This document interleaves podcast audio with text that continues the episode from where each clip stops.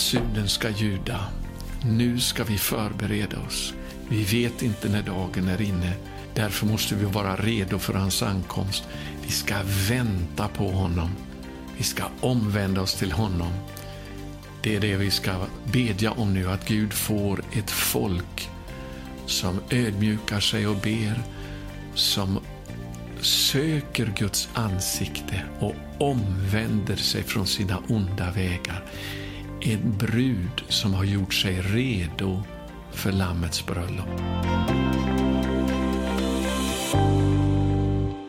Jag vill uppmuntra dig att prenumerera på vår Youtube-kanal och också trycka på klockan så att du får ett meddelande i din inkorg när vi kommer ut med en ny video.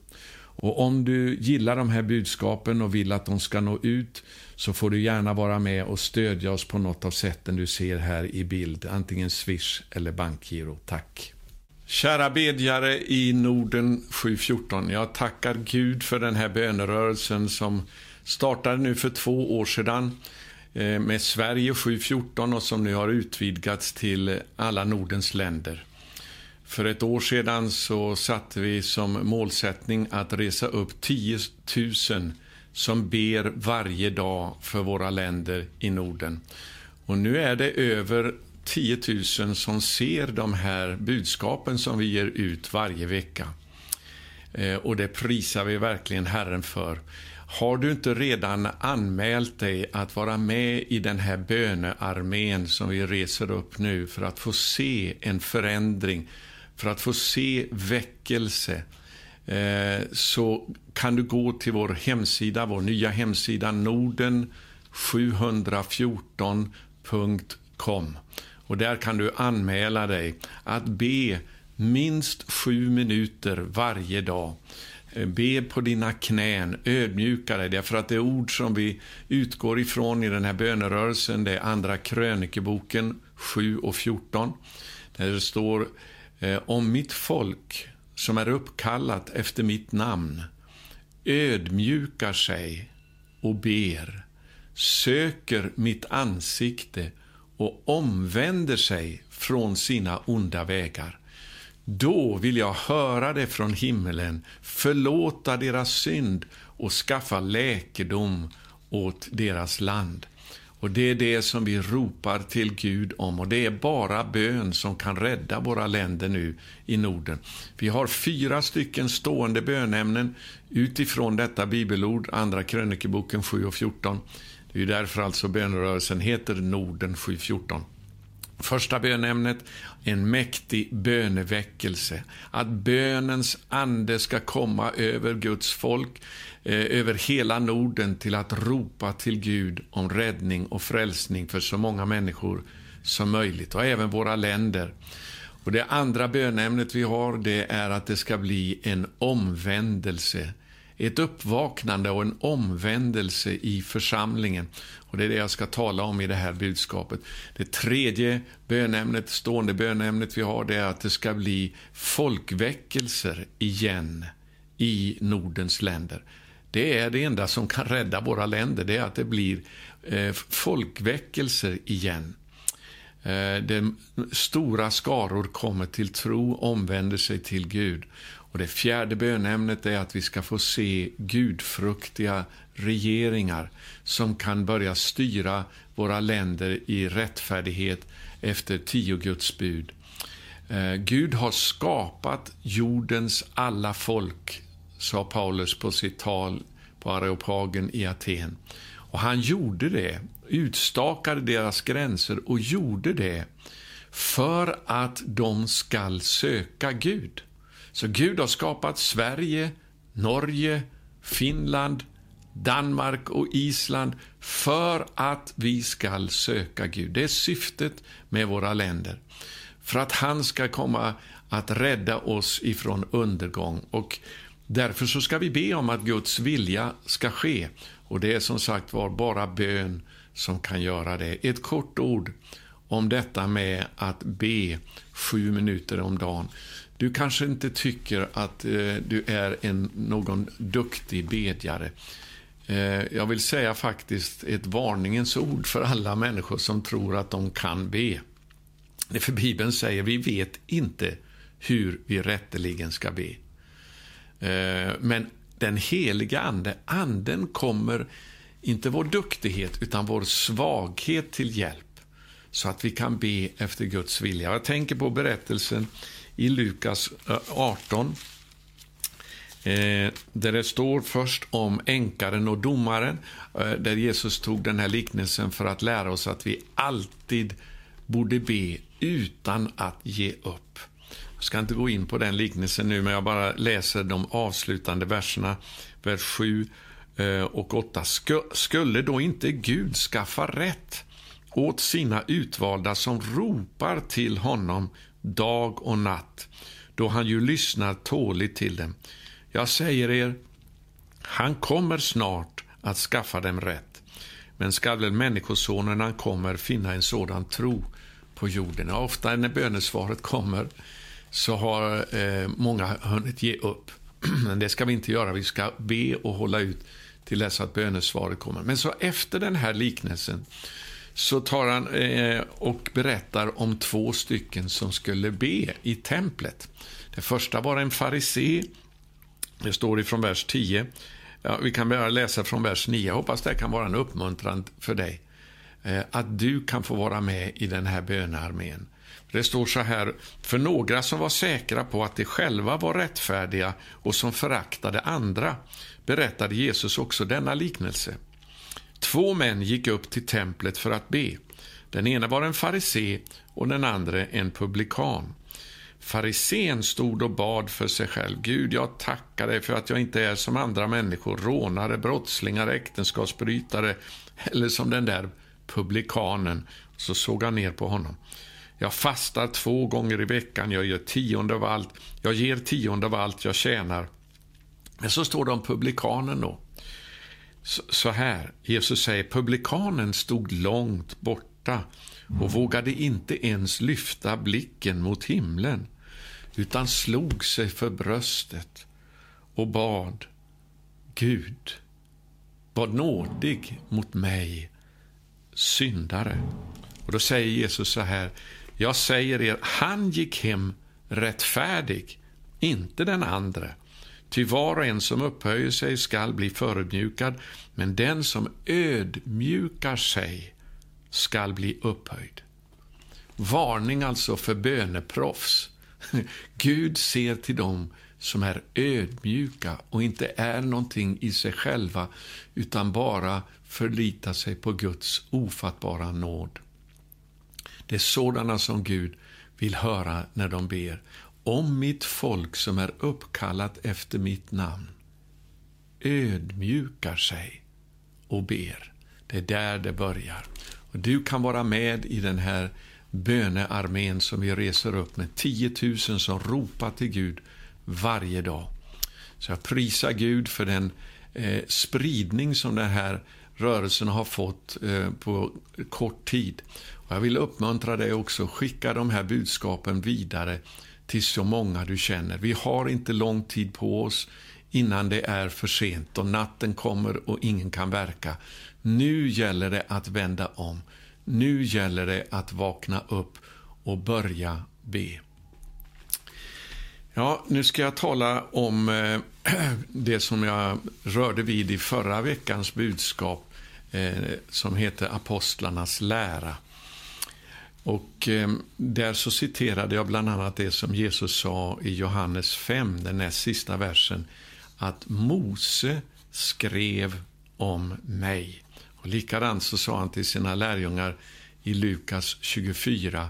Allt som är skrivet om mig i Mose lag måste uppfyllas. Så vi ska titta lite grann på det här, därför att eh, jag talade då om det gamla testamentet som de profetiska skrifterna. Det är ett av de bibliska eh, beteckningarna på det som vi kallar för gamla testamentet. Det är de profetiska skrifterna. Och de, det nya testamentet eh, det kallar vi för de apostoliska skrifterna. Och Jag ska läsa ifrån Andra Petrus brev. Det är tredje kapitlet, förlåt, det första kapitlet. Eh, där eh, Petrus skriver så här ifrån vers 19. Han har just beskrivit upplevelsen han hade på förklaringsberget där han fick se Jesus i hans kommande härlighet som han kommer att uppenbara sig när han kommer ifrån himmelen, som det står i Matteus 24, i stor makt och härlighet. Så efter den upplevelsen så förstod eh, Petrus att han hade haft rätt som hade sagt till, eh, till Jesus bara några kort innan dess. Du är Messias, den levande Gudens son. Nu hade han ju fått se det med sina egna ögon och höra det med sina öron, rösten ifrån himlen. Men då säger eh, Petrus så här, eller skriver han så här i sitt brev ifrån vers 19. Jag kan läsa vers 18 också. Den rösten hörde vi själva från himlen när vi var med honom på det heliga berget. En fantastisk upplevelse. Enorm. Men vad, vad skriver eh, Petrus efter detta? Jo, han säger så här. Så mycket fastare står nu det profetiska ordet för oss. Och ni gör rätt i att hålla er till det som till ett ljus som lyser på en mörk plats till dess dagen gryr och morgonstjärnan går upp i era hjärtan. Så med andra ord, upplevelsen på förklaringsberget, den var en bekräftelse på det profetiska ordet. Och nu när Petrus då skriver här det profetiska ordet så fanns inte något Nya testamentet, utan det var ju det eh, som höll på att skrivas då, så att säga. Utan det profetiska ordet här, det handlar om, precis som jag sa förut, om det gamla testamentet, de profetiska skrifterna.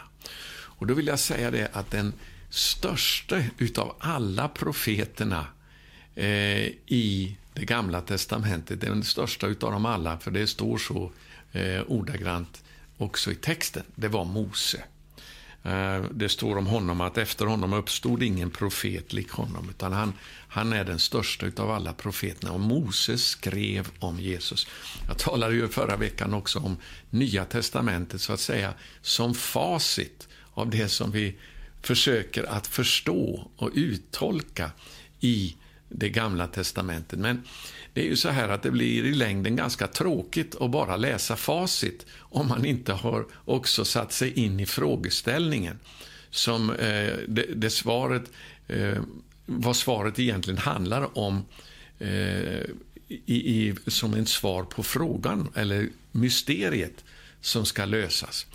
Eh, och det är när vi sätter oss in i de profetiska skrifterna, det vill säga det gamla testamentet, som vi kan få ett djup och ett liv i också det som står i det nya testamentet. Och Det här är så fantastiskt. Därför Mose, han skrev om Jesus och det är en enorm eh, upptäcktsfärd eh, att läsa Moseböckerna med den tolkningsnyckeln att det handlar om Jesus. Jag vill eh, citera här också ifrån eh, Jesaja 46 som är eh, i vers 10. Jag kan läsa vers 9 också, Jesaja 46, vers 9 och 10. Kom ihåg det som har hänt i det förgångna. Ty jag är Gud och det finns ingen annan Gud, ingen som jag. Och så står det så här i vers 10. Jag förkunnar från början vad som skall komma. Och långt i förväg det som inte har skett. Jag säger, mitt beslut ska gå i fullbordan. Allt vad jag vill kommer jag att göra.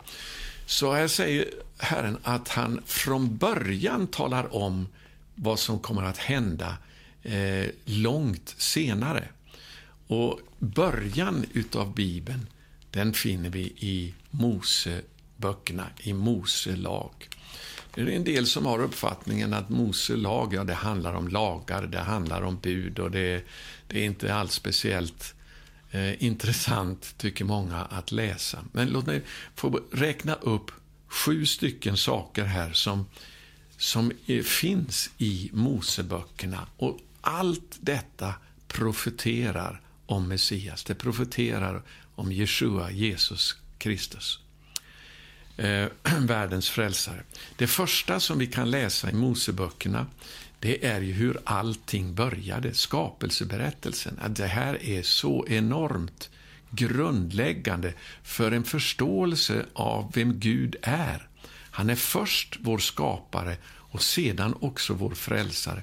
Så det här med skapelseberättelsen om hur allting började, det är profetiskt också om hur allting kommer att sluta. Förstår vi inte början så kommer vi heller inte att ha en rätt bild av hur det hela kommer att sluta. Så det är jätteviktigt. Det är det första som vi kan läsa i Moseböckerna. Det andra är det ju att vi kan läsa Israels historia. Och hela den historien, den är profetisk. Den handlar om Jesus. Och det gäller att, det var ju det här Jesus öppnade ögonen på, eh, hos lärjungarna eh, eh, inför, så att de förstod skrifterna. Och vi sa det var det som la grunden till apostlarnas lära eller apostlarnas undervisning.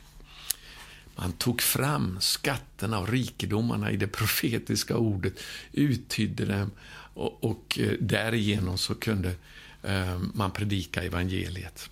Så det är det andra. Alltså. Det första är skapelseberättelsen om, eh, berättelsen om hur allting har börjat en gång. Allt skapades genom ordet. Det andra är hela frälsningshistoriens början genom berättelsen om Israels folks historia. Allt detta är profetiskt om Messias. Det tredje som vi läser om i Moseböckerna det är tabernaklet. Tabernaklet är också en profetia om Jesus. Fantastisk undervisning. Det fjärde vi kan läsa om i Moseböckerna är prästtjänsten. Och prästtjänsten är också en bild på Jesus som vår överste präst. Fantastiska andliga skatter och rikedomar som vi kan få ifrån eh, Moseböckerna om Jesus som vår överste präst. Det femte är alla offren. Och de offren de profeterar också om Jesus som det fullkomliga offret, som Guds lamm som tar bort världens synd. Fantastiska eh, andliga skatter och rikedomar som finns i Moseböckerna om offren. Och Det sjätte som också behandlas i Moseböckerna, i Moselag, det är högtiderna. Och Det ska jag börja tala om i det här eh, budskapet den här veckan. Och Det sista då, det är ju naturligtvis också Guds bud, hans lagar och stadgar. Allt detta profeterar om Jesus. Och Jesus sa så här när det gäller Moseböckerna, när det gäller Mosebolag eh, i Matteus kapitel 5. Jag vill citera det också innan jag går vidare här. Det är faktiskt eh, enormt det som Jesus har att säga om lagen som så många kristna har en felaktig uppfattning om, ett förakt inför, en nonchalans inför. Det är så tragiskt, för då går man miste om så mycket undervisning om vår frälsning. Låt mig få läsa härifrån Matteus kapitel 5, vers 17. Tro inte att jag har kommit för att upphäva lagen eller profeterna. Jag har inte kommit för att upphäva, utan för att fullborda och uppfylla. Allt måste uppfyllas som är skrivet om mig i Mose lag, sa Jesus. Och så säger han så här i vers 18. Amen säger jag er, innan himmel och jord förgår. Och så vitt jag vet så har inte himmel och jord förgåtts ännu när jag spelar in det här budskapet. Så innan dess så skall inte en enda bokstav, lägg märke till att Jesus säger inte bara ett enda ord. Han är alltså inte bara en bokstav, eh, en som tror på att varje ord är inspirerat utav, utav Guds ande. Utan han säger varenda bokstav är alltså något som kommer att bestå och fortsätta att profetera om honom. Inte en enda bokstav och inte ens en prick. Det minsta streck i lagen förgå förrän allt har skett. Låt mig säga bara en liten detalj här. Eh, det här, de här strecken, alltså, det finns nämligen i Mose lag sådant som inte ens kan tryckas med bokstäver utan som är streck. Det är ju så att det judiska folket, man läser ju inte i synagogorna ifrån en tryckt bok och inte från en smartphone heller. eh, utan, eller mobiltelefon som har blivit populärt nu i, i vissa sammanhang. Utan man läser ifrån pergamentrullar som är handskrivna. Och där finns streck och tecken som inte går att trycka så att säga med bokstäver. Varenda sådant streck är inspirerat av Gud och profeterar om honom. Nu hinner jag inte gå in på det, men jag har mycket undervisning om det som jag kommer att eh, nämna om framöver. Men det jag vill stanna för nu eh, den här veckan, det är vad som står om högtiderna, Herrens högtider. Jag ska gå till tredje Mosebok, kapitel 23, där de presenteras för oss. Eh, från vers 1. Herren talade till Mose, han sa, säg till Israels barn, Herrens högtider skall ni utlysa som heliga sammankomster. Det är mina högtider. Och så börjar han med att beskriva sabbaten som den första högtiden. Den är eh, skild från de övriga på så vis att den inträffar ju varje vecka. Men den profeterar om Messias. Alla de här högtiderna är en profetia om Guds frälsningsplan för världen genom sin son. Fascinerande, helt fantastisk undervisning. Och efter sabbaten så börjar han att tala om de årliga högtiderna. Eh, i vers 4. Detta är Herrens högtider, de heliga sammankomster som ni skall utlysa på bestämda tider. I första månaden vid aftontiden, på fjortonde dagen i månaden, är Herrens påsk. Nu hinner jag inte läsa alla de här högtiderna nu i tredje Mosebok 23. Jag rekommenderar att du gör det själv eh, när du har lyssnat på det här budskapet. Men bara för att sammanfatta vad det handlar om så är det då eh, den första högtiden, det är påsken som inträffar den fjortonde dagen i den första månaden, vilket alltid är på våren. Eh, dagen därpå börjar nästa högtid som är det osyrade brödets högtid. Och under det osyrade brödets högtid så inträffar också det som kallas för förstlingskärven. Eh, förstlingskärvens högtid kan man säga. Vi talade ju om det här väldigt mycket i våras i samband med de 50 dagarna av bön mellan påsk och pingst. Så de här Eh, för nu har jag redan nämnt den fjärde högtiden som inträffar 50 dagar senare, nämligen pingsthögtiden. Alla de högtiderna de är sammankopplade med varandra och inträffar på våren. Eh, och efter det så är det ett uppehåll med högtider på den bibliska kalendern och sedan i, på hösten i sjunde månaden, en halvår senare, så kommer de övriga högtiderna i tät följd. Eh, med början på basunhögtiden, första dagen i den sjunde månaden, sedan försoningsdagen på tionde dagen i sjunde månaden och sedan eh, lövhyddohögtiden, lövhyddofesten, som börjar då den eh, femtonde dagen i sjunde månaden. Så, och den avslutas faktiskt med ytterligare en sista högtid som kallas för den åttonde dagens avslutande samling. Så de här högtiderna finns alltså i två grupper. Eh, först de fyra på våren, runt påsken och pingsten. Och sedan de fyra högtiderna på hösten med början på basunhögtiden. Det är väldigt lätt, alltså det var precis på de här bestämda tiderna som Jesus uppfyllde vårens högtid när han kom första gången. Det här var ju sånt som apostlarna och lärjungarna inte hade förstått när Jesus började öppna skrifterna för dem och förklara vad som stod om honom. Så det var exakt när det judiska folket firade sin påskhögtid som Jesus dog som påskalammet, som Guds påskalamm. Och det var precis när alltså det osyrade brödets högtid började som han eh, las i graven. Våra synder tog han eh, eh i sin kropp upp på korsets träd och så begravdes den kroppen, lades i en grav. Eh, och sedan på tredje dagen så uppstod han ifrån de döda för att uppfylla det som var skrivet om förstlingskärven.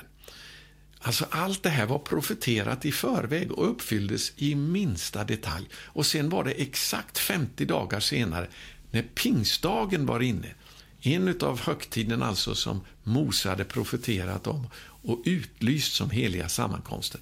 Det var exakt då som den heliga Ande utgöts över lärjungarna för att uppfylla den högtiden också, pingsthögtiden. När vi sen kommer då till hösten och de högtiderna som börjar med basunhögtiden så är det ju ganska lätt att förstå, de här högtiderna de har ännu inte fått sin uppfyllelse, men de kommer att uppfyllas i samband med Jesu återkomst.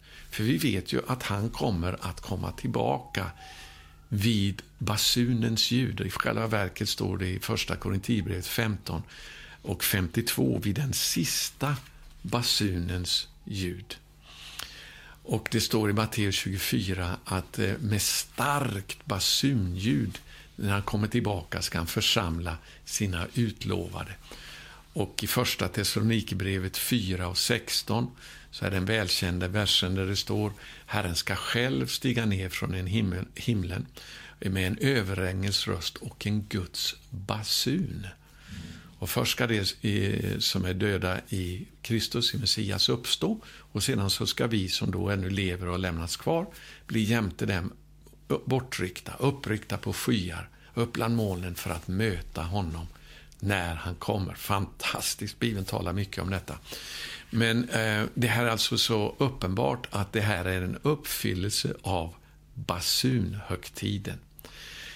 Och den högtiden, den närmar vi oss nu eh, när den inträffar eh, på hösten. I september eller oktober är det vanligtvis det är så att den bibliska kalendern är en kombinerad mån och solkalender. Den kalender som är den romerska som kyrkan så småningom gick över till, vilket var eh, ett misstag, väldigt tragiskt, därför att då tappade man förankringen med den bibliska kalendern, med de bibliska högtiderna.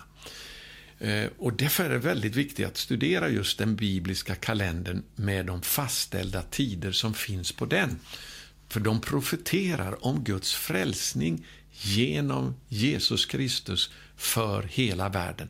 Både om hans första kommande, då de här högtiderna på våren uppfylldes in i minsta detalj, precis som det stod skrivet, så kan vi räkna med också att de återstående högtiderna kommer att uppfyllas precis lika exakt och noggrant utifrån det som var förutsagt Eh, genom Mose. Kom ihåg alltså att det står i Jesaja att Herren förkunnar redan från början vad som ska komma och långt i förväg det som han har bestämt. Därför så när vi läser början av Bibeln genom Mose lag så får vi liksom en inblick i hela Guds rådslut. Bibeln är som en, ett ljus från en strålkastare den har sin utgångspunkt i ett enda, en liten glödlampa, men så sprider sig den här ljus, eh, ljuset från en strålkastare blir allt bredare och bredare. Men det är koncentrerat utifrån en enda punkt där det utgår ifrån. Så är det med Bibeln också. Den börjar med att profetera om Jesus. Eh, det första ordet i Bibeln, begynnelsen. Eller som det står i vår översättning, i begynnelsen. Vem är det som är begynnelsen? Och änden, det är Jesus. Första ordet i hela Bibeln profeterar om Jesus. Så de här högtiderna, det är viktigt att vi studerar det för de visar Guds frälsningsplan för det som nu återstår att fullbordas till dess att hela jorden är återlöst. Hela skapelsen har blivit befriad ifrån sin träldom, som Paulus skriver, under förgängelse och nått fram till hela Eh, till Guds barns härliga frihet. Gud har en plan för frälsning för hela världen, där hela jorden kommer att bli fylld av Herrens härlighetskunskap, står det i Jesaja. Det är så viktigt att vi läser det profetiska ordet, alltså hela Gamla testamentet, inte bara Nya testamentet som ger oss nycklarna till förståelsen, utan att vi också sätter oss in i, i själva mysteriet, eh, frågeställningen, bakgrunden så att vi får också en rätt förståelse utav svaren eller facit. Och Det här är den, som, precis som Petrus skriver, eh, att ni bör eh, hålla er till det profetiska ordet. Sätt dig in i Mose lag. Läs psalmerna. Läs Jesaja, Jeremia, Hesekiel, eh, Hosea, Joel, Amos, Obadja, Sefanja, Habakuk, eh, Sakarja. Eh, alla profeterna, de ska vi känna till.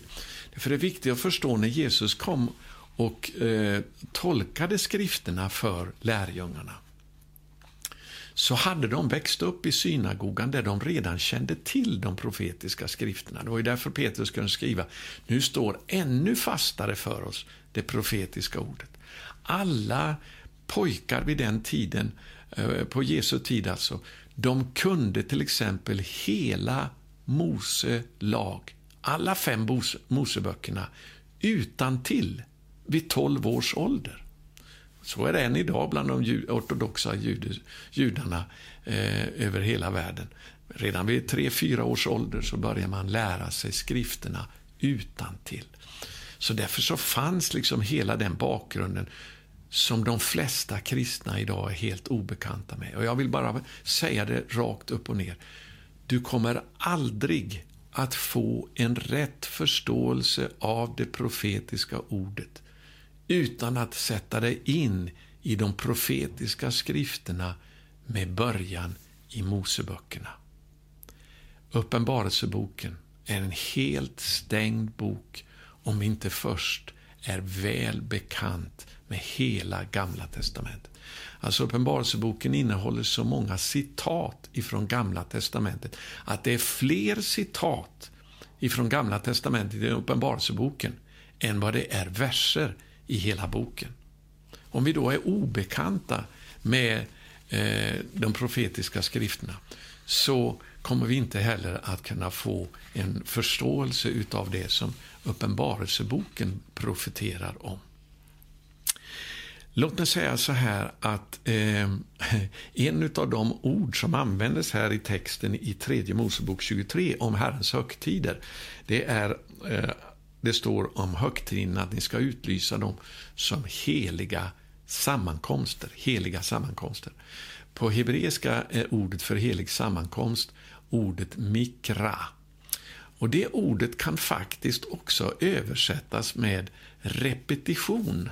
Och Det gör att, att Herrens högtider de är sammankomster då, på bestämda tider då vi kan repetera både det som redan har uppfyllts och glädja oss och tacka Gud för dem. Eh, för det tredje ordet som används som högtiderna, förutom alltså bestämda tider, vilket på eh, hebreiska är moed, eh, så det tredje ordet är ordet chag som kommer från ett ord som betyder att röra sig i cirkel. Det har att göra med dans, med glädje, med ja, att vara glad helt enkelt.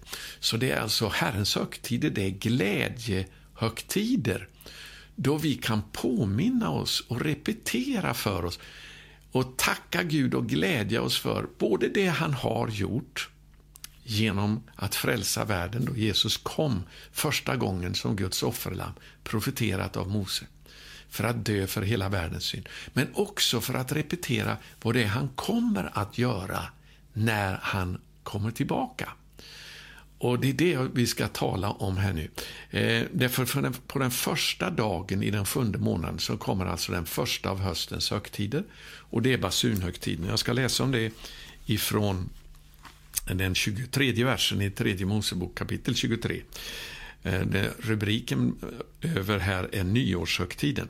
Herren talade till Mose, han sa, säg till Israels barn Eh, och jag vill säga om det här med nyårshögtiden, därför att idag så firas den här högtiden, basunhögtiden, som eh, en nyårsfest bland det judiska folket. Vad säger det oss? Jo, det är att när Jesus kommer tillbaka, då kommer allt att förvandlas. Då kommer allt att bli, få en ny början. Halleluja! Matteus 19 och 28, jag vill bara snabbt läsa det här för jag är så eh, tycker det är så fantastiska ord som Jesus säger om sin återkomst. Amen säger jag er vid pånyttfödelsen, när Människosonen sätter sig på sin härlighetstron. Då skall också ni som har följt mig sitta på tolv troner och döma Israels tolv stammar. Jag ska inte gå in på det nu, men bara för att tala om att när Jesus kommer tillbaka kommer hela världen att födas på nytt. In i Guds rike. Det kommer att bli ett Guds rike på denna jord av rättfärdighet, frid och glädje i den helige Ande. Och det ska vi be för. Det ska vi längta efter. Det ska vi förbereda oss inför. Eh, och det är så viktigt. Jag ska återkomma till det. Men låt oss läsa i texten här i tredje Mosebok kapitel 23. Jag kommer till vers 24. Säg till Israels barn i sjunde månaden på första dagen i månaden ska ni hålla sabbatsvila, en minneshögtid med basunklang en helig sammankomst, en mikra alltså, en påminnelse, en repetition för att komma ihåg det Gud kommer att göra eh, när Jesus kommer tillbaka. Inget arbete ska ni då utföra om ni ska offra eldsoffer åt Herren. Kan du tänka dig, det finns bara ett enda bud om den här högtiden och det är att man ska blåsa i basun. Jag har en sån här shofar som det heter på hebreiska eh, som jag ville visa här den ser ut så här, alltså det är ett vädurshorn. Och på den här högtiden, basunhögtiden, det är ju underbart alltså att i kyrkan så har man tagit vara på de första högtiderna på våren därför att de har uppfyllts av, av Jesus när han kom första gången, påsken och pingsten. Men de flesta kristna är så okunniga om det som Mose har skrivit om de högtider som återstår. Jag ska säga lite grann om basunhögtiden. Det är en högtid då man samlas enbart för att lyssna till en eh, som blåser i, den här, i det här vädurshornet. Det finns så mycket att säga om detta. Eh, och eh, man ska höra den här faktiskt stötas hundra gånger. Och De som inte kan komma till en synagoga och lyssna på den när man blåser i den på gudstjänsten, då går eh, rabbinerna efteråt till de som är gamla och de som är sjuka och så blåser han i shofaren så att alla ska ha hört basunljudet på basunhögtiden. Man kan tycka det är märkligt. En, en dag då man bara har en enda bud att uppfylla, nämligen att lyssna till en sån här shofar blåsas i hundra gånger. Jag tror det här är så oerhört viktigt också för oss. Vi behöver påminna oss om att Jesus kommer snart vid den sista basunens ljud. Med starkt basunljud ska han församla oss till sig. Eh, han kommer ner vid en överängels röst och en Guds basun, basunhögtiden. Och enormt viktig för oss att fira idag som en påminnelse om det som snart kommer att ske. Då Jesus kommer att komma träda fram ifrån himlen för hela världen att se och hela världen ska födas på nytt. Hur ska vi kunna tro på det om vi inte har satt oss in i de profetiska skrifterna? Det var därför Petrus skrev, ni gör väl i om ni håller det till profetiska ordet.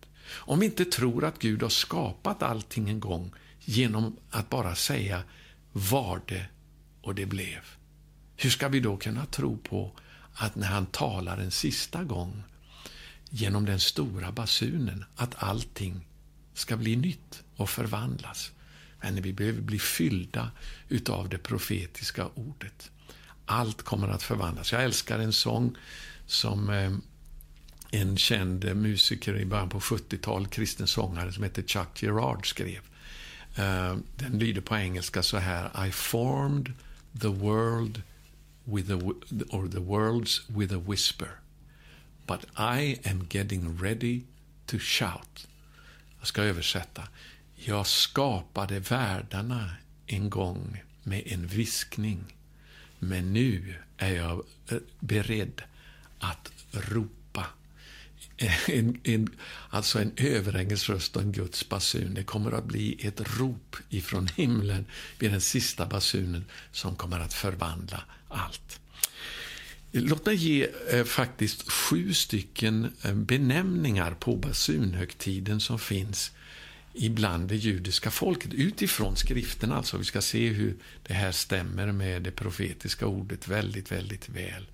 Men det är ju så här att det judiska folket har ju fortsatt att fira den här högtiden i tusentals år. Man har utarbetat så mycket traditioner och, och eh, undervisning om den här högtiden.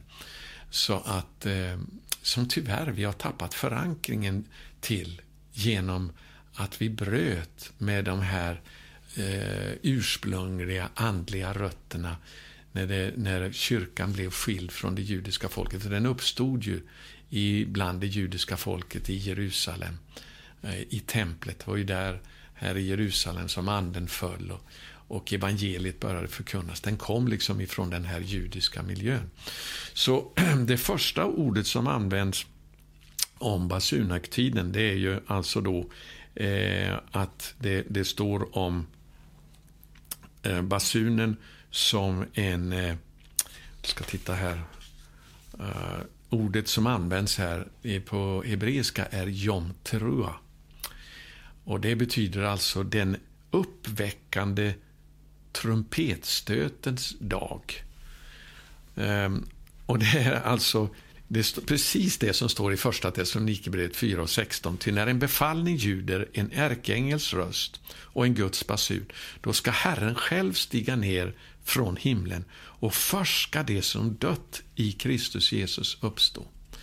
Alltså det judiska folket läser ju inte Paulus skrifter, de läser inte första Thessalonikerbrevet kapitel 4. Men precis det som de talar om ifrån det profetiska ordet om basunhögtiden, att den kallas för den uppväckande trumpetstötens dag.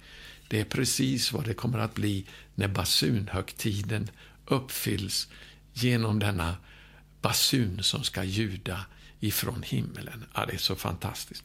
Det andra ordet som man använder om basunhögtiden på hebreiska är jom, ter, eh, jom hakese, som egentligen betyder den dolda dagen. Och Det här är ju precis det Jesus säger i Matteus 24, där det står om den dagen eller stunden vet ingen något. Inte himlens änglar, inte ens sonen, ingen utom fadern. Var därför vaksamma, till ni vet inte vilken dag er Herre kommer. Och det är ju så att alla de andra högtiderna på Herrens kalender, de inträffar i, runt mitten av månaden. Den enda högtiden som inträffar vid nymåne, eh, då det är alldeles mörkt på himlen och då man undrar när ska den första liksom, skär, skär, månskäran synas på himlavalvet. Man vet inte exakt vilken dag det är. Det är den högtiden som handlar om Jesu återkomst i basunens ljud. För det står, Jesus säger om den dagen vet ingenting något. Därför så kallas den bland det judiska folket för den dolda dagen. Och det är precis det som vi kan säga också att eh, Nya testamentet beskriver den dagen som en fördold dag. Det är då det är som mörkast också på himlen. Det är då, när midnattsropet ljuder, som Jesus kommer att komma tillbaka. Det tredje som används om den här högtiden eh, är den sista basunen.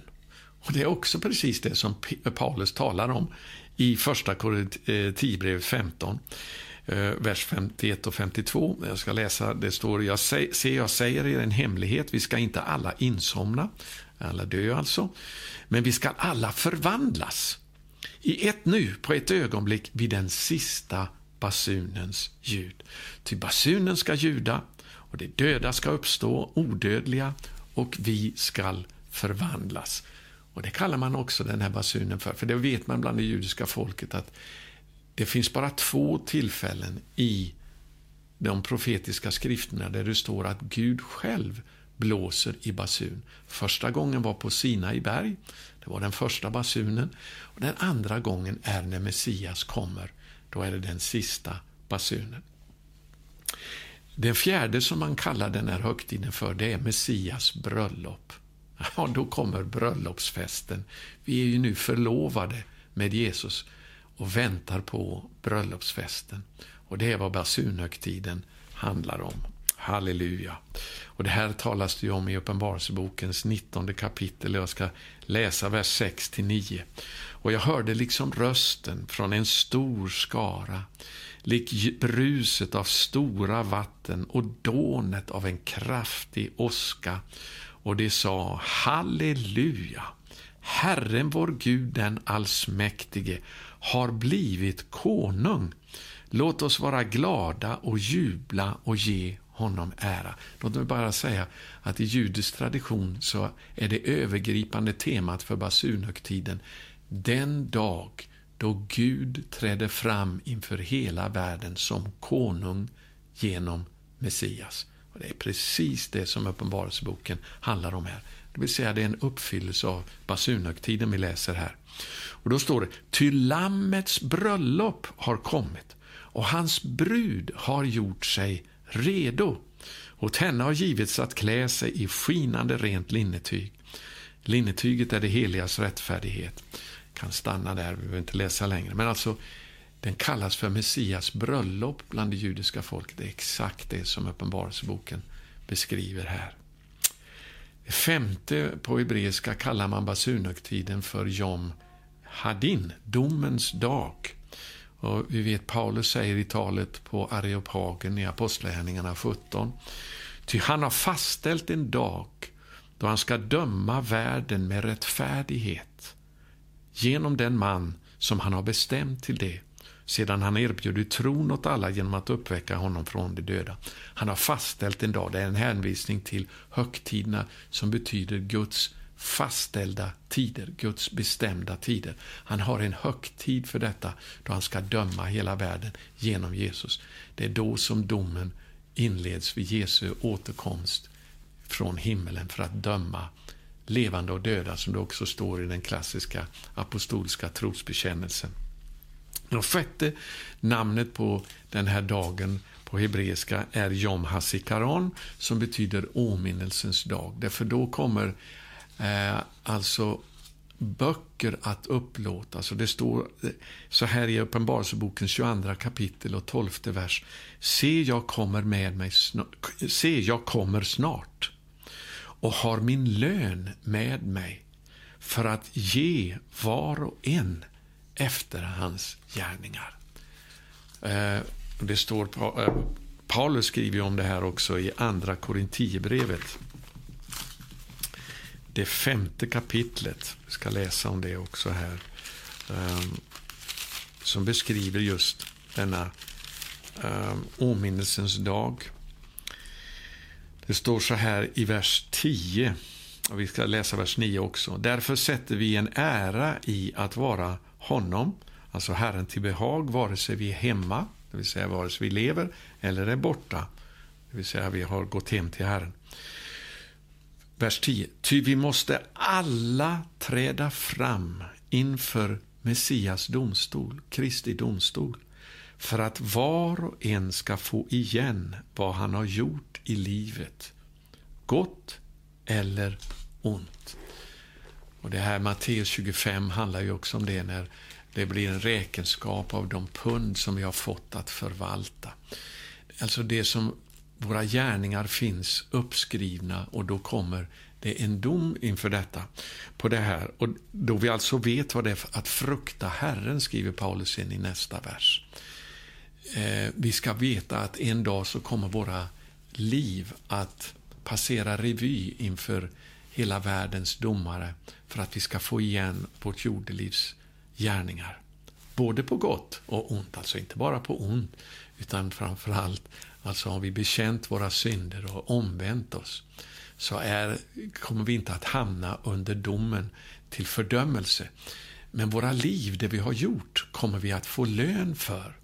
Och Det är jätteviktigt. Det är därför som Paulus uppmanar oss att vi ska vara rika på goda gärningar. Därför det kommer vi att få lön för en dag. Och Det sjunde då, det är att den kallas, den här högtiden bland det judiska folket för Rosh Hashanah, som är alltså betyder ordagrant årets huvud eller årets begynnelse, för det kommer att bli en ny början. Och Det läste vi om i Matteus 19 och 28, då hela skapelsen skall födas på nytt in i Guds rike. Nu ska jag eh, först säga här att alltså det som är alla de här högtiderna i, på hösten, de börjar i den eh, sjunde månaden på första dagen i månaden. Den månad som då föregår den sjunde månaden, den sjätte månaden, det är en månad av förberedelsen inför Messias ankomst. Därför så kallas den här månaden på, bland det judiska folket för omvändelsens månad. Det är den sjätte månaden på Herrens kalender, Herrens fastställda tidscykel. Eh, eh och den månaden den börjar i år den eh, 20 augusti, alltså det här är 2020 vi talar om nu.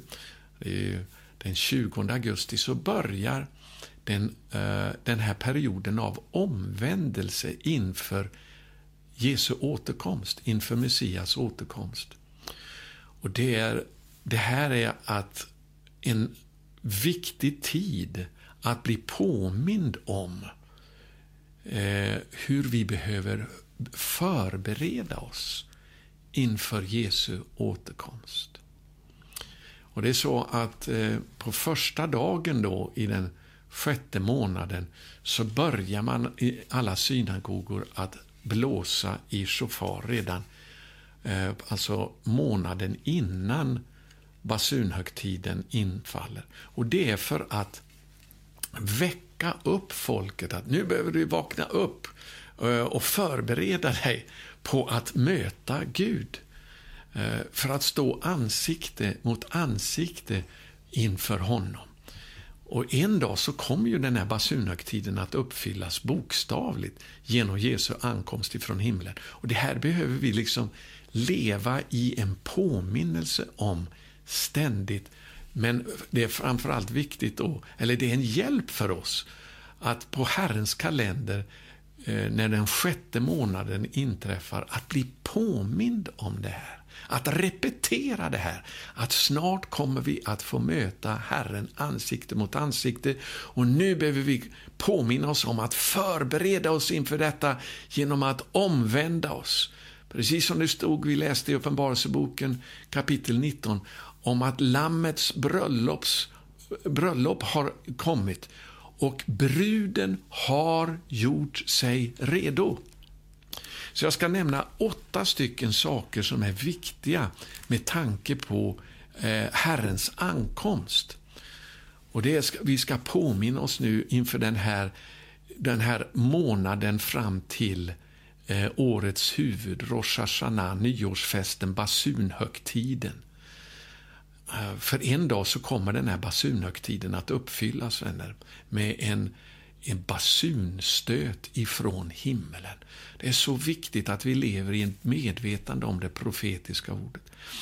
Det första som står i Bibeln om Jesu återkomst, det är att vi ska vänta varje dag. Alltså vi ska ständigt vänta på hans ankomst. Vi ska vara redo och vänta på den varje dag. Första Thessalonikerbrevets första kapitel det här alltså skrevs redan för snart 2000 år sedan. Hur mycket mer är inte då det här verkligt för oss idag? Jag ska läsa vers 9 och 10. Själva berättade om hur vi blev mottagna av er och om hur ni, alltså Thessalonikerna, omvände er till Gud bort från avgudarna. Det här vi vill ha jämte Gud för att sätta vår tröst till och, och förhoppning till och, och, och så vidare. Alla sådana avgudar måste vi göra oss av med och enbart tjäna den levande och sanne guden, att han får bli Herre i våra liv. Ni omvänder bort från avgudarna för att tjäna den levande och sanne guden och vänta på hans son från himlen. Honom som Gud har uppväckt från de döda, Jesus som har frälst oss från den kommande vredesdomen. Halleluja, vi ska inte drabbas av vreden, men vi ska vänta på hans son ifrån himlen. Och det är kanske en av de första sakerna Jesus kommer att säga till oss när han uppenbarar sig från himlen. Har du väntat på mig? För nästa ord som vill säga om det här, det är att vi ska Eh, jag ska läsa andra Timotebrevet 4 och 8 och det är att vi ska älska hans ankomst ifrån himlen. Paulus skriver så här i Andra Timotebrevet, fjärde kapitlet och vers 8. Nu ligger rättfärdighetens segerkrans, segertrofé, i förvar åt mig. Den ska Herren, den rättfärdige domare, ge åt mig på den dagen, inte när han dog alltså, utan på den dagen då Jesus kommer. Det är då vi kommer att få vår lön. Nu är det de som har gått före oss, de lever i en väntan på den dagen i Herrens närhet i det himmelska Jerusalem. Men de väntar på att uppstå ifrån de döda till liv tillsammans med vår förvandling. För då ska vi få segerkransen. Och det står så här, för Herren ska ge den åt mig på den dagen, och inte bara åt mig, utan åt vem ändå? Åt alla som älskar hans återkomst. Halleluja. Vi ska älska hans återkomst ifrån himlen. Vi ska vänta på hans återkomst från himlen. Vi ska älska hans återkomst ifrån himlen. Och Det tredje jag vill säga är att vi ska be om hans återkomst ifrån himlen. Hela Bibeln avslutas med den bönen. Eh, i vers 20, i det sista kapitlet i boken. Han som betygar detta säger, ja, jag kommer snart. Amen. Kom, Herre Jesus. Det här var den första församlingens ständiga bön. Och jag ska läsa ifrån den här bönen ifrån det här eh, gamla kristna dokumentet Didache. Där det står så här eh, Eh, i den bön som han alltid bad vid samband med Herrens måltid. Må nåd komma och må denna värld förgå, Hosianna till Davids son. Om någon är helig må han komma, om någon inte är det må han omvända sig. Maranata, Amen, du vår Herre, kom, betyder det. Maraneta eller Maranata, hur det nu uttalas det arameiska. Den bönen bad man alltså ständigt vid alla sammankomsterna i samband med Herrens måltid. Amen, kom, du vår Herre, kom, kom Herre. Det är det ropet vi ska ha. Vi vill att du ska komma och förvandla denna värld och upprätta ditt rike av rättfärdighet och frid och glädje då vi ska få regera tillsammans med dig. Må nåd komma. Vad, är, vad syftar det här på? Ja, det är alltså det Petrus skriver om i första Petrus brev Eh, det första kapitlet och vers 13. Där skriver han så här. Spänn därför bältet om livet och var vakna och sätt ert hopp helt och fullt till den nåd som ska komma er till del när Jesus Kristus uppenbaras. Och Den här nåden som vi ska få när han uppenbaras den beskriver också Johannes i sitt första brev eh, där det står i det tredje kapitlet och vers Eh, vers 2. Mina älskade, vi är nu Guds barn och vad vi ska bli är ännu inte uppenbart. Men vi vet att när han uppenbaras kommer vi att bli lika honom. Det är den nåden vi kommer att få, ty då får vi se honom sådan han är. Och så står det då i nästa vers här, det som jag vill komma till som nästa punkt. Eh, vi ska alltså eh, be om hans återkomst. Det var det tredje.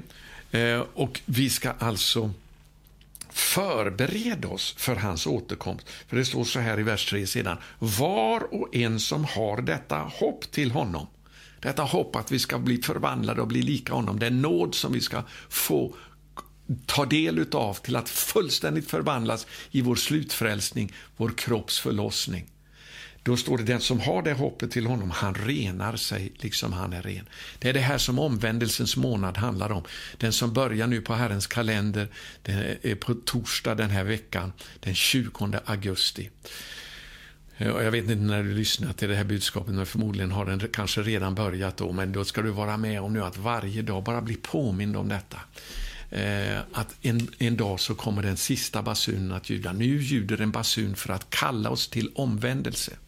Den här shofaren, alltså, den är, den är böjd på det här viset som en symbol på att vi ska, måste omvända oss till Gud. Och Det här är ju ett vädurshorn för att påminna oss om det, den vädur som tog Isaks plats när Abraham skulle offra Isak. Och Det pekar ju på Jesus som har tagit vår plats när han dog i vårt ställe. Därför kallas det också för frälsningens horn, men det är böjt som från en vädur för att visa att nu måste vi omvända oss. Vi måste bereda oss på att möta vår Mästare i helighet och rättfärdighet, att vi har bekänt alla våra synder, att vi är redo för hans ankomst. Det femte Eh, alltså det var det fjärde, vi ska göra oss redo för hans ankomst genom att omvända oss. Det femte, det är att vi också ska vaka och ge akt på tidstecknen. Eh, Matteus 24, jag ska läsa det eh, snabbt här också innan vi avslutar strax här nu. Det här blir långt, men jag hoppas att du, det här är så viktigt, att du förstår hur viktigt detta är.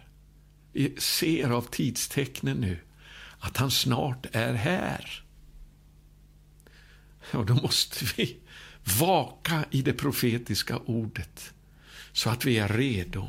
Det står så här i Matteus 24, vers 33. Står det, när ni ser allt detta, alltså vi ska vakna över tecknen som visar att han snart är här. När ni ser allt detta, då vet ni på samma sätt att han är nära och står vid dörren. Och så står det sen i vers 36, men om den dagen eller stunden vet ingen något, inte ens himlens änglar, inte ens sonen, ingen utom Fadern. Och jag ska läsa vers 42 till vers 44 också. Var därför vaksamma, ty ni vet inte vilken dag er Herre kommer. Men det förstår ni ju att om husets ägare visste på natten, när på natten tjuven kom, då skulle han hålla sig vaken och inte tillåta någon bröt sig in i hans hus. Var därför också ni beredda, ty en stund då ni inte väntade kommer Människosonen. Så vaka i det profetiska ordet för att vara redo. Och Det sjätte, det har jag redan nämnt om också, vi ska studera det profetiska ordet om hans återkomst så att vi kan ge akt på tidstecknen. Det sjunde som vill säga, det är också väldigt viktigt, vi ska gå till Markus, det första kapitlet, det är att vi ska eh, bereda vägen för hans ankomst. Eh, det står så här om Johannes döparen ifrån vers 2. Se, det står skrivet hos profeten Jesaja. Se, jag sänder min budbärare framför dig och han skall bereda vägen för dig. Det är vad vi kallar det att göra. En röst ropar i öknen. Bana väg för Herren. Gör stigarna jämna för honom. Precis som vägen måste beredas var tvungen att beredas för Jesu första ankomst så behöver den beredas ännu mer inför hans återkomst. Men den behöver beredas genom att evangeliet måste gå ut till att så många som möjligt kan bli frälsta. Den behöver beredas genom att så många som redan är troende omvänder sig att vi går ut med budskapet så att de, alla kan omvända sig och bli redo för hans ankomst. Och det sista, det åttonde som jag vill säga, det är från eh, andra Petrus, det tredje kapitlet, där det står i, i vers 12, eh, någonting som är väldigt viktigt också. Um, jag ska läsa vers 11 också. Då nu allt detta går mot sin upplösning, hur heligt och gudfruktigt skall ni då inte leva? Medan ni väntar på Guds dag, det har jag redan talat om att vi ska vänta på Messias, och inte bara det, påskyndar, utan alltså också påskyndar dess ankomst.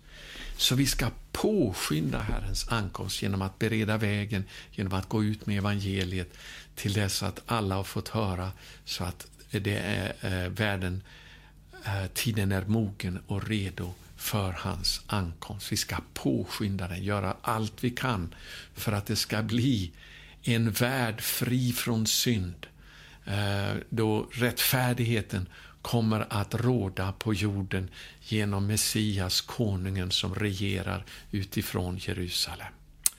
Halleluja. Jag ska se om jag kan få ljud i det här väderzonet. Det sista nu när jag avslutar här för att påminna om den sjätte månadens början nu, den 20 augusti. Och vi ska eh, återkomma till det här om behovet av omvändelse för att eh, förbereda oss inför Herrens återkomst.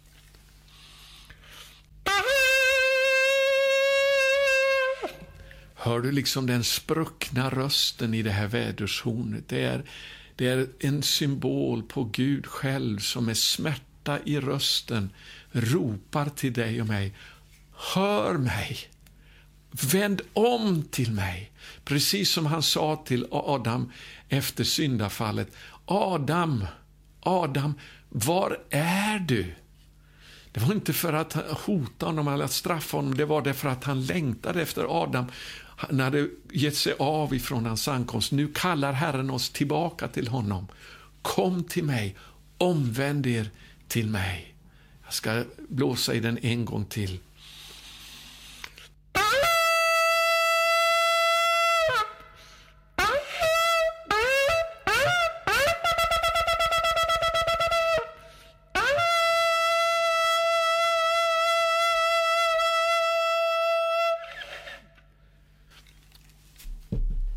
Basunen ska ljuda.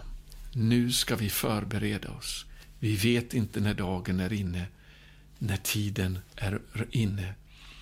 Därför måste vi vara redo för hans ankomst. Vi ska vänta på honom. Vi ska omvända oss till honom. Det är det vi ska eh, bedja om nu, att Gud får ett folk som ödmjukar sig och ber, som söker Guds ansikte och omvänder sig från sina onda vägar. En brud som har gjort sig redo för Lammets bröllop. Låt oss bedja. Fader i himmelen. Vi ber att du ska låta denna basun ljuda. Att kalla ditt folk till omvändelse till dig för att vara redo för din sons ankomst tillbaka från himmelen. Herre, då du ska förvandla våra bräckliga kroppar och göra dem rika, din förhärligade kropp. Då vi ska få se dig ansikte mot ansikte och bli lika dig och få gå in i bröllopsfesten tillsammans med dig för att glädja oss i din närhet för alltid. Herre, vi ser hur tidstecknen nu går i uppfyllelse framför våra ögon. Nu är det dags att påminna oss om att du är snart är här. Så jag ber dig för denna eh, begynnelse nu eh, av den sjätte månaden på den bibelska kalendern, att ett folk ska vakna upp och förbereda sig i Norden för din sons ankomst tackar dig för att budet går ut. Brudgummen kommer, han är snart här. Och vi väntar på din ankomst, Jesus. Vi älskar din ankomst ifrån himlen. Herre, om någon inte är redo nu, må han omvända sig när han hör detta. Vi ber om detta i Jesu välsignade namn. Amen. Gud välsigne dig. Tack för att du är med i den här bönerörelsen Norden 714. Gud vill väcka upp sitt folk och föra många till frälsning. Tack för att du är med och ber. Gå till vår hemsida norden714.com. Anmäl dig till den här bönerörelsen. Överlåt dig till att be varje dag och stå med i den här bönarmén. Gud välsigne dig. you